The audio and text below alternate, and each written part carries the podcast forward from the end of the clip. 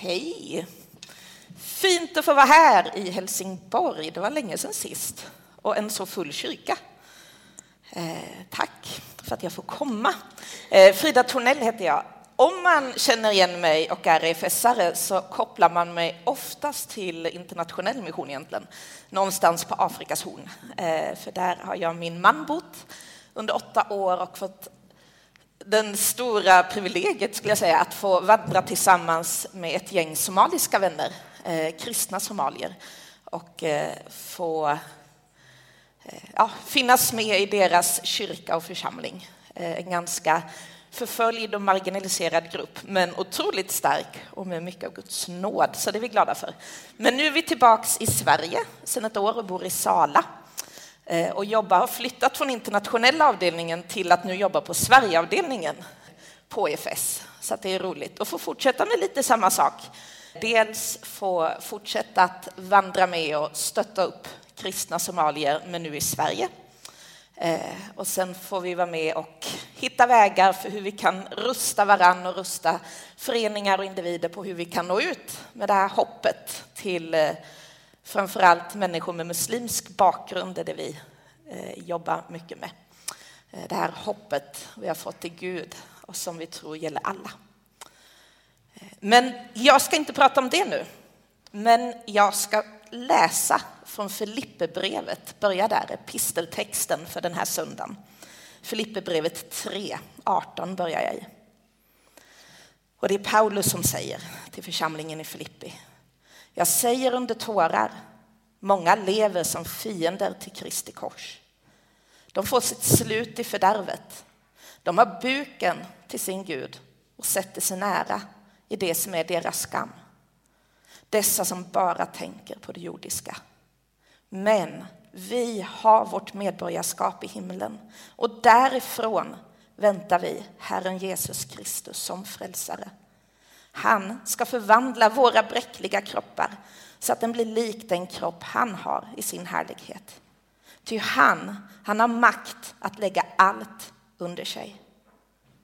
Stå därför fasta i Herren, mina älskade och efterlängtade bröder, min glädje och min krona, ni mina älskade. Vi ber. Gud, jag, jag ber om att de här orden som Paulus skrev till församlingen. Dina ord, Herre, att du blåser liv i dem och visar oss, Gud, hur det kan gälla oss idag. Gud, att vi får smaka på, på ditt ord till oss var och en, Herre. Hjälp oss att vara öppna för att höra vad du vill säga. I Jesu namn. Amen. Alltså jag tänkte börja, jag kanske måste be om ursäkt, för jag tänkte börja i det väldigt egentligen mörka och dystra. Eh, det kanske är fel sätt att börja på när man är ny i en församling, men jag tänkte ändå börja där. Alltså i den här frågan, finns det hopp i denna värld? I den frågan vill jag börja. Jag gick längs gatan här och jag ställde mig själv frågan. Finns det hopp i denna värld? Kommer skjutningen att sluta? Ibland vill vi bara stänga tidningarna och lägga bort dem. Eh, men jag, jag klarar inte det, jag blir nästan mer beroende av att få läsa. Och så frågar jag mig själv, finns det hopp? Kriget, krigen som fortgår. Finns det hopp? All psykisk ohälsa, kommer den gå över? Torkan och översvämningarna. Kommer det bli bra? Vi kan hoppas att det kommer bli bättre. Jag hoppas, jag ser mina, jag har tre barn där hemma. Och jag tänker, åh Gud, låt det få bli lite bättre. Eh, mina eventuellt framtida barnbarn. Åh, jag hoppas att de inte ska behöva leva i en ångest och inte våga gå ut. Och jag tänker att vi ska göra allt vi kan i vår makt eh, för att det faktiskt ska bli bättre på gatorna och i Sverige och i världen. Jag tänker att det var den kallelsen som Adam och Eva fick, de första människorna. Sköt om det här. Sköt om världen. Gör det ni kan för världen. Och jag tänker att det är samma kallelse vi fortfarande har. Och ändå så tänker jag att de flesta av oss, jag och kanske du och många jag pratar med, vare sig de brukar gå till kyrkan eller inte, har ändå en känsla av att nej, alltså det är inte så att det kommer bli helt bra genom allt gott vi gör. Det är inte så att vi kommer kunna jobba fram ett paradis igen.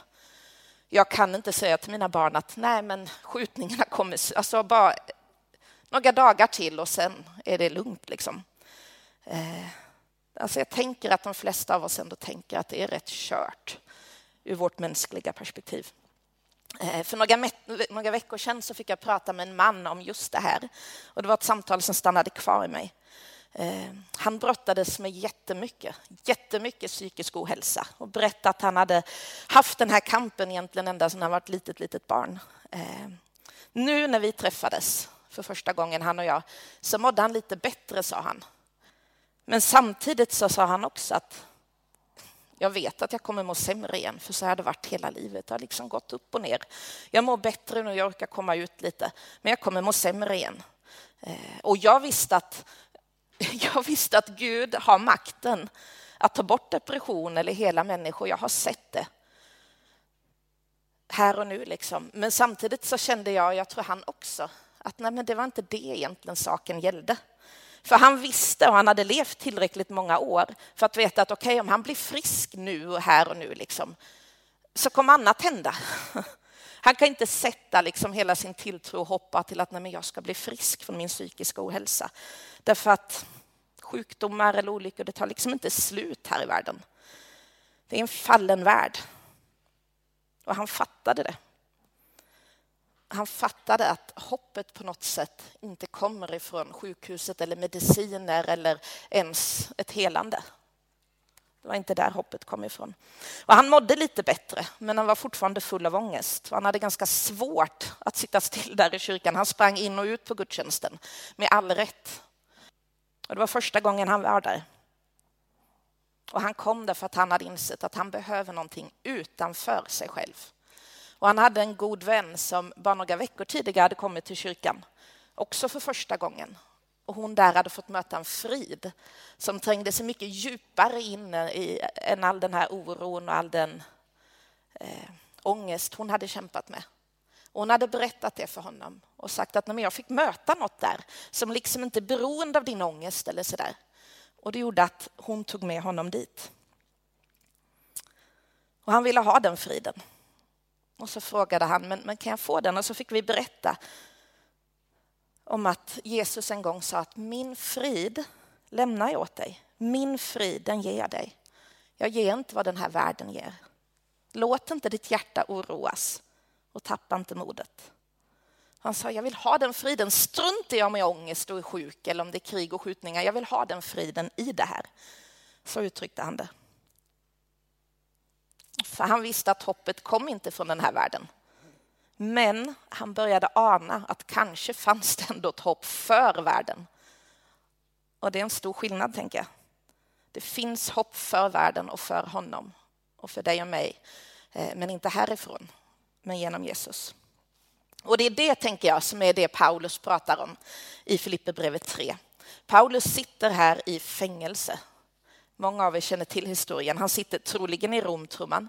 Troligen har han suttit här i husarrest i två år ungefär. Ganska lång tid och han har väntat och han har väntat och han har inte kunnat veta när han kommer ut.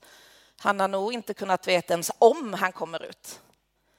Han vet inte om han kommer få fortsätta att leva med säkerhetens och hur länge i sånt fall. Och han visste inte heller när han skulle kunna åka till Filippi igen för att träffa människorna där. Det var tio år sedan han träffade dem senast. Och nu skriver han ett brev till dem, ett typ av kärleksbrev, eh, tycker jag att Filipperbrevet är. Och det är tydligt i Filipperbrevet att Paulus sitter där i fängelset. Han väntar, han vet ingenting om framtiden. Men han är inte särskilt orolig för sig själv. Jag glädjer mig, skriver han flera gånger. Och han är ganska tydlig med att ja, men han är okej med att dö. Det är inte där problemet är. Det finns till och med fördelar med att han dör. Men han är bekymrad, inte för sig själv, men han är bekymrad för de församlingarna han har tidigare varit med och grundat. Och bland annat Flipper, eh, församlingen i Filippi. Och det är vad jag förstår den första församlingen i Europa som han grundade. Och han skriver till dem och han skriver att de är en så generös församling. Det finns vissa konflikter, små konflikter, men egentligen inte jättemycket. Det verkar inte vara det han egentligen oroar sig så mycket för. Det är en ganska sund församling om jag tolkar det rätt. Men den har levt i förföljelse ända sedan den grundades för 12 år sedan. Och det är en minoritet i en romersk koloni. Och till dem sitter Paulus där i fängelset i husarrest. Han vet ingenting om sin framtid, men han sitter där och skriver till dem. Och så här skriver han. Och han börjar, får börja i Filipperbrevet 3, vers 18. Jag säger med tårar. Många lever som fiender till Kristi kors. De kommer sluta i fördärvet. De har buken till sin Gud. De tänker bara på det jordiska. Och jag vill börja med de verserna och jag tänker att vi skulle kunna lägga till där. Jag tror vi skulle kunna lägga till. De tänker bara på det jordiska, på sitt rykte. Och de är så upptagna med sin karriär eller med att äta sig mätta. Eller med att vara friska. De tänker och tror som att det är världen och allt det där liksom som är det som ska bära dem. De kör på. Och jag tänker egentligen är det rätt rimligt, är det inte det? Alltså om man tror att det här livet är det enda livet vi har, då måste jag få ut allt jag kan av den. Jag måste försöka bli frisk här och nu. Jag måste få se att krigen slutar, för att det är det här jag har nu. Jag måste köra på tills det smäller. Men Paulus uttalande här, det för mig till slättpredikan i Lukas evangeliet kapitel 6. Det var dagen, allhelgonadagens eh, evangelietext, slättpredikan. Och Jesus pratar lite liknande som Paulus där tycker jag. Och det är också ganska tuffa ord tycker jag. Ve dig, säger han, du som är rik. Ve er, ni som är mätta, ni som skrattar. Ve er, ni som människor talar gott om. Ve er. Det påminner lite, tycker jag, om Paulus ord här. Ah, människor, ni är förlorade, ni lever bara för det som är här. Och jag tänker, för mig blev det så tydligt när jag läste evangelietexten där i Lukas, när Jesus säger ver. Tidigare har jag tänkt, men hallå Jesus, vad håller du på med? Kastar ut förbannelser för människor? Men det blev så uppenbart och så tydligt för mig att det inte är det han gör här. Jesus förbannar inte lärjungarna när de sitter och lyssnar på honom och skriker ut ver, ni rika. Utan istället tror jag att han vände sig till dem och sa med jättekärleksfullhet en varning. Jag tror inte att pengar är det som kommer rädda er. Förstå det snälla, för det finns någonting annat. Och så blev jag påmind om att en av de tolv, eller en av alla de lärjungar som satt och lyssnade på honom, det var ju faktiskt Judas. Judas som Jesus då visste hade sån kärlek till pengar så att det en dag skulle få Judas att förråda Jesus helt och fullt och sen ta sitt eget liv. Och Jesus vände sig till Judas och sa, ve dig, ve er. Alltså det där med pengar, alltså det kommer föra dig vilse. Det kan inte bära dig. Det kommer inte ge dig hopp. Ve dig, snälla, snälla Judas och ni andra. Eller Petrus satt ju också där. Och Jesus säger, ve dig, du som lyssnar till vad människor önskar och tycker och tänker. Det är så viktigt för dig. Och Petrus, jag vet att du kommer ångra dig därför att en dag så kommer du följa det där. Du kommer vara mer mån om vad människor tycker och tänker om dig. Så att du förnekar mig. Oh, Petrus, snälla, det kommer bara bli jobbigt för dig. Det är inte värt det. Det är inte det som kan bära dig. Petrus, tänk inte på vad människor önskar och tycker och tänker. Det finns något större, det finns något som är viktigt på riktigt. Och det är inte det där. Ve är ni som går vilse i världen, som tror att det kan rädda er. Och Paulus skriver ju samma sak. Med tårar skriver han att de tänker bara på det jordiska. Och det jordiska i sig och rikedomen i sig och pengar och makt och mat och eh, hälsa. Alltså det där är ju uppenbart inte fel i sig. Helt klart är det inte det. Jesus botar de sjuka. Han vill att vi ska få njuta. Men det får inte bära oss, det får inte bli det viktigaste. De försöker förverkliga sig själva. De försöker uppnå en dröm och bygga ett paradis tills de inser att de är vilse. utan hopp. De har pengar men saknar rikedomen. för er. De har hus men saknar ett hem och vänner men saknar familj. Sex men längtar efter kärlek. Söker frid. Men kanske söker vi ibland på fel ställe. Söker trygghet. Men kanske inser vi att det sviker oss.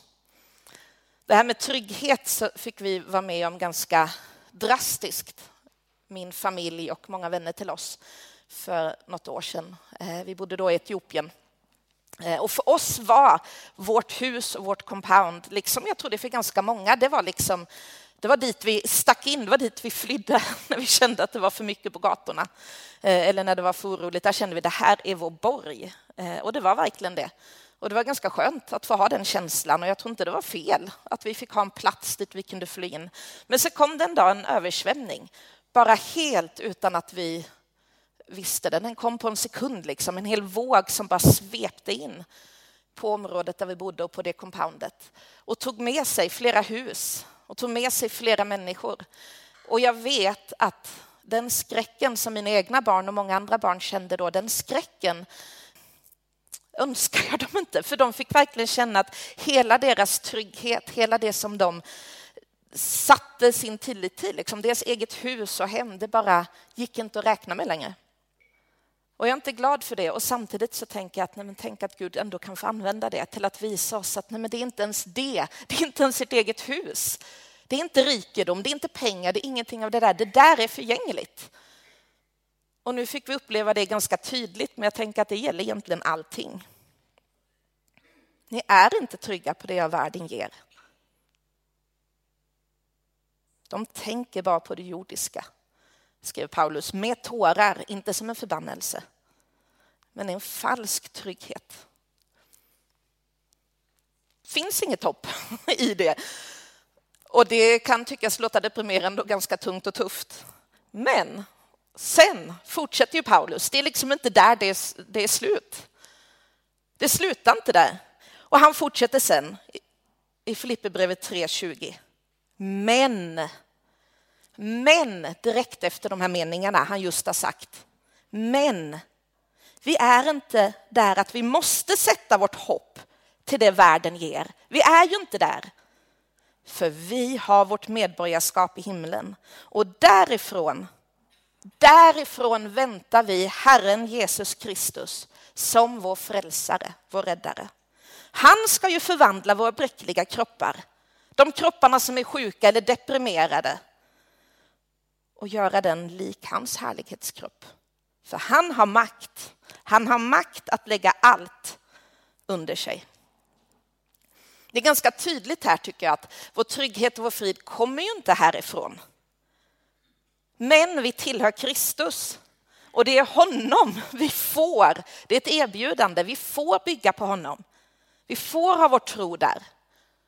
Han som är ljuset som lyser i mörkret och som aldrig kommer spolas bort av vattenvågor eller någonting annat. Han som aldrig sviker, som vi läste om i psalm 139. Han som ser oss, vi kan gräva oss en grav i dödsriket. Men han är där. Det spelar liksom ingen roll, han bär. Vi har vårt medborgarskap hos honom. Det är där vi har vårt hem. Och det här med medborgarskap, för mig, har det, blivit, för, för mig är ju det ganska eh, Ja, men jag gillar liknelsen just därför att jag har bott utomlands i många år och in, varit i en hel del länder där jag faktiskt inte skulle vilja ha mitt medborgarskap. Eh, länder som jag känner att nej, men det kanske inte är helt tillförlitligt. Eh, I Somalia eller i Sudan, till viss del Etiopien, så där, eh, kan känna att men det är rätt skönt att jag har ett svenskt medborgarskap. Eh, och då låter kanske, eller det är väldigt orättvist. För jag vet att om det händer någonting, och det har hänt saker och vi har fått blivit evakuerade, Sverige har liksom skött det åt oss. Därför att vi har vårt medborgarskap i ett annat land. Vi har levt i ett land, men vår trygghet har vi haft i ett annat land. Och det är den här liknelsen Paulus för. Min man Andreas fick vara med om det väldigt tydligt en gång. Eh, i Sudan. Eh, Sudan är det mest, alltså på riktigt, jag kände mig otroligt säker i Sudan. Eh, så därför tycker jag inte riktigt om att dela sådana här berättelser, för då får man en bild. Ja, nu är det i och för sig fullt krig i Sudan, men, men Sudan är ett väldigt fint land. Och när vi bodde där så var det på många sätt ett jättesäkert land Eh, i Khartoum där vi bodde. Men så kom det rebeller helt oberäkneligt, bara rakt in i just det området där vi bodde. Och jag var inte hemma, jag var på andra sidan floden. Men Andreas var hemma och han fastnade mitt i det där. Tillsammans med en annan svensk kompis som var på besök. Och de låg där under ett bord, alltså under köksbordet liksom, och, och, och tryckte. Och kände att oj hjälp, ja, här finns ju inte tryggheten i varje fall. Men den här kompisen till Andreas, han ringde ett telefonnummer till någon han kände på andra sidan floden. Som ringde ett telefonnummer och sen kom militären, bara hämtade dem och bara plockade ut dem. Bara rakt igenom all den här oron och allt det som skedde. Och jag tänker, när jag läser den här bibelversen om att vi har vårt medborgarskap i himlen, då tänker jag på den berättelsen. Därför att det är just så Gud är. Han finns med oss i oron, han finns med oss här och nu. Det gör han. Där vi bor inte säkert, men vi är trygga i honom. Men en dag ska han bara in dit, in i vår situation och bara hämta hem oss. Vi har det hoppet, vi har vårt medborgarskap hos honom. Vi väntar på Jesus som är så otroligt mycket starkare än de här militärerna. Han ska bara in dit, i Ombadda eller vart som helst och bara plocka hem oss. Och det är ett erbjudande som inte bara gäller svenskar eller som gäller en världslig nationalitet, utan han säger att hallå, ni får bli medborgare i mitt rike allihop. Och mitt rike, där har jag makten och jag kommer komma. Så jag tycker när jag läser Filipperbrevet, trots de här verserna som vi läste alldeles i början, så andas det så otroligt mycket hopp och glädje. Det är så löftesrik. Och då får vi ha i bakhuvudet att Paulus, han sitter där i fängelset. Det är inte så att han har ett skönt liv. Ändå så säger han 16 gånger i fyra kapitel, glädjer. För det här vi ser nu, det är ju inte där vi får vår glädje ifrån. Det må vara skjutningar och krig och det må vara depressioner och det är inte lätt. Det är fasansfullt. Men vet du, det finns någonting annat som bär oss. Så jag glädjer mig. För detta är inte allt. Jag glädjer mig i husarresten, om jag lever eller dör. Jag glädjer mig. Sista stycket i texten kommer från kapitel 4, vers 1. Och då står det så här. Stå därför fasta i Herren, mina älskade och efterlängtade bröder min glädje och min krona. Mina älskade, stå därför fasta. Stå därför, tas tillbaks till hoppet han just har talat om. Stå därför fasta. Därför att ni har ett medborgarskap hos mig. Jag är er kung. Stå därför fasta, mina älskade. Och det är det som ju är dagens tema, som du Josefin nämnde vaksamhet och väntan att stå fasta. För vi är här nu. Vi är i det här livet nu. Vi är i kriget eller i brottningskampen just nu. Stå fasta, ni väntar nu. Ni väntar på någonting bättre. Men vaka och stå fasta. Och Paulus vet ju vad han talar om. Som sagt, han hade suttit, tror man, den här gången Två år i fängelse. Jag började räkna och såg att det är 700 dagar. Över 16 000 timmar och jag har svårt liksom att vänta i en bilkö två minuter. Paulus vet vad han pratar om. Han hade ingen tv där eller mobiltelefon. Han fick besök, det fick han och så vidare. Men det måste ändå ha varit en långdragen väntan, framförallt när han inte vet slutet. Men han tappar inte fokus. Jag vill lära mig det här av Paulus. Jag vill lära mig av honom att kunna glädja mig i den här väntan och att inte tappa fokus. Församlingen i Filippi, som jag sa i början, det var en församling lite annorlunda tycker jag det verkar som än de andra församlingarna som Paulus skriver till. För han hade inte så jättemycket att pika på. Han nämnde någonting om två människor eh, som ja, men, tar hand om varandra lite bättre. Liksom. Vi vet inte riktigt vad det handlar om, men det verkar inte vara någon supergrej. Liksom. Till skillnad från till exempel eh, i det Korintierbrevet där det står om sexuell omoral en man som ligger med sin pappas hustru eller eh, maktkamp, oenighet. Ja, men kom igen, skärp er. Det är så här ni ska leva. Men han har liksom inte det här att säga till människorna i Filippi. Och då är frågan, ja men de här människorna i Filippi då? Ja men de lever under förföljelse, de har det troligen lite tufft. Men de gör ett ganska bra jobb, tolkar jag det som. Är inte det good enough? Är inte det tillräckligt? Så kan de inte bara få slappna av och liksom njuta av livet då? Men Paulus svar är nej. Också till oss tror jag. Så att, äh, med vår församling, jag tror att ni är väldigt good enough. alltså det är min känsla när jag kom in här. Wow, det sprudlar av liv. Är det inte tillräckligt då? Kan vi inte bara få fortsätta så här liksom? Nej, Paulus är jättetydlig i Filipperbrevet till den här fina lilla församlingen. Att nej, vet ni, världen är för farofylld för att ni bara ska slappna av och liksom börja fokusera på det trevliga ni har. Det är för farligt för det, därför att ni kommer tappa fokus. Till slut kommer det äta upp er och sen är ni, flyter ni iväg. Liksom. Och dessutom, inte bara det, men dessutom så är evangeliet så pass härligt. Det finns mycket mer för er att upptäcka och ta emot. Så känn inte att ni har tillräckligt nu, kära Filipper. Mina fina, älskade, fantastiska, det finns så mycket mer, skriver Paulus om. Ta vara på det här.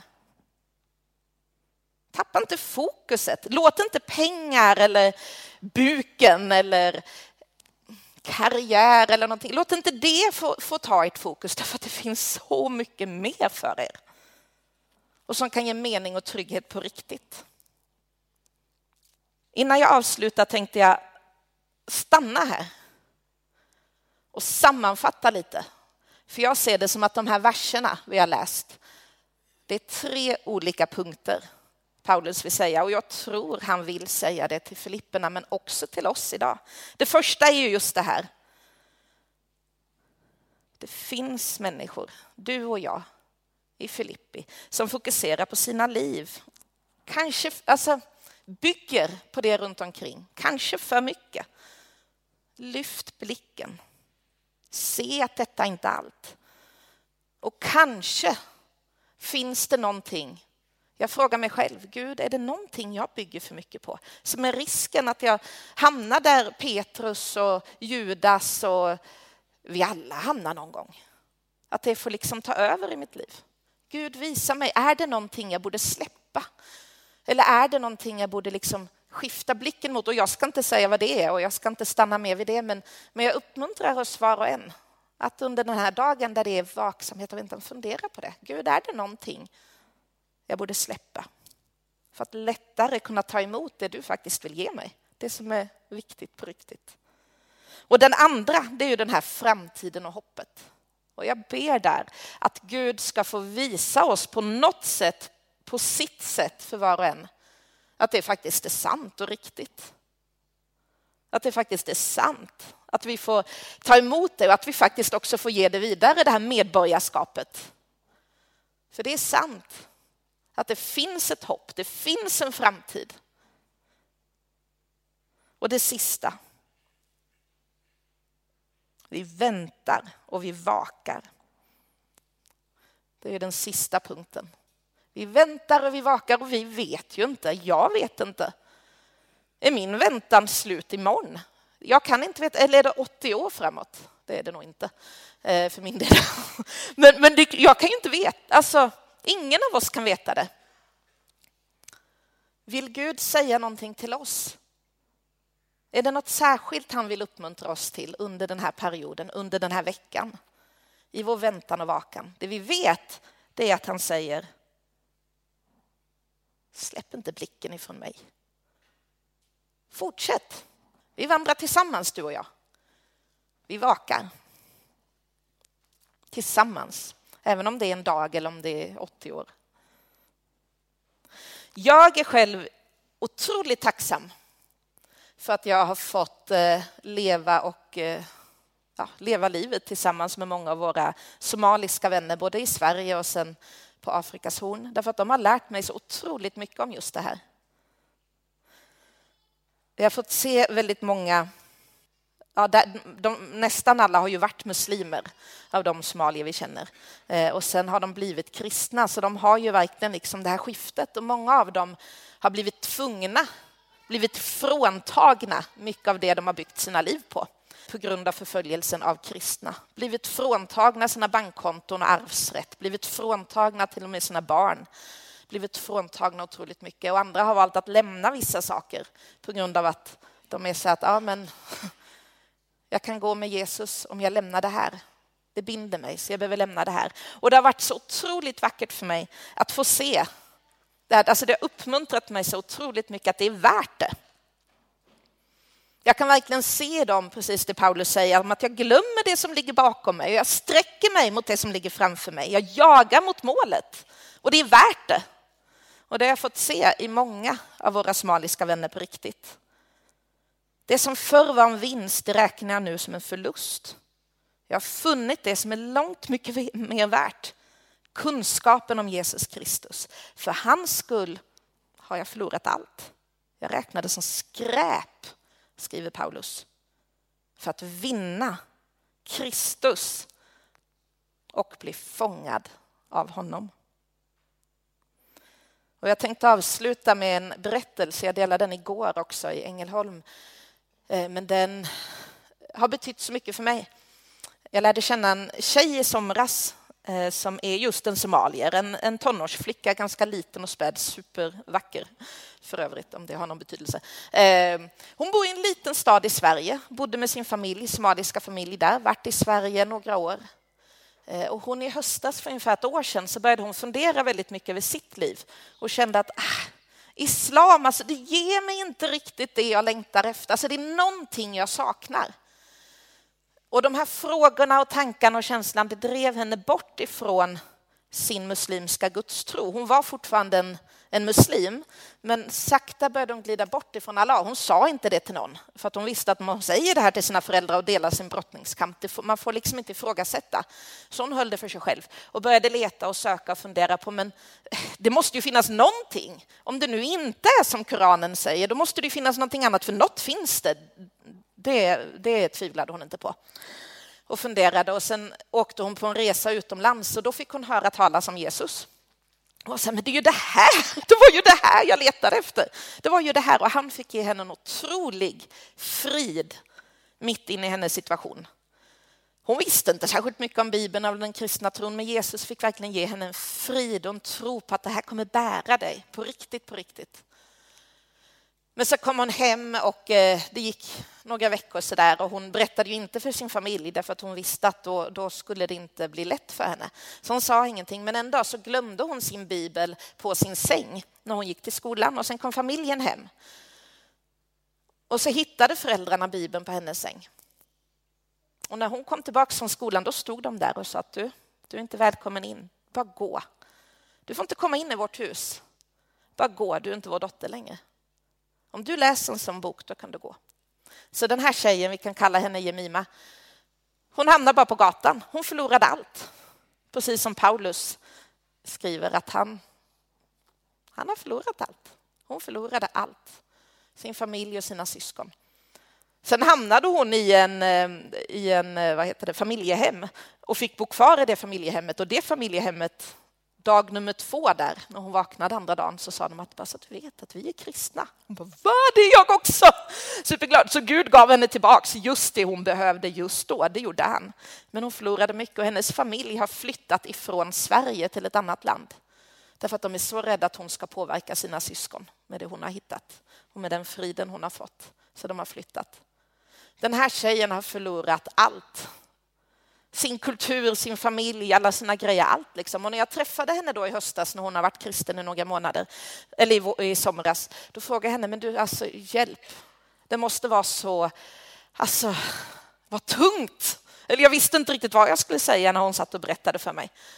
Hon sa att ja, men nej, för jag har fått så otroligt mycket tillbaks. Och när jag tittar på henne, hon är ju helt förälskad. Hon kommer på alla samlingar vi har, alla läger vi har. Hon åker liksom, även om det är långt. För hon är så törstig och hungrig och känner att nej, men jag har fått det som bär. Jag har fått ett nytt hopp. Och det bär mig. Och jag tittar på henne och jag tittar på Paulus och jag tänker, åh Gud, ge mig det. Samma tro på det hopp du har, för jag vet att det är sant och jag vet att det bär. Vi väntar. Och många av oss kämpar.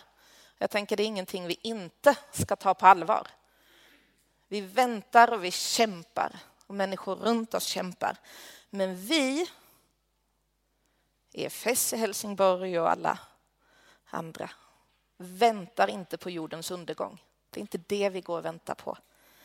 Utan vi väntar på jordens 2.0. Det är det som ska komma.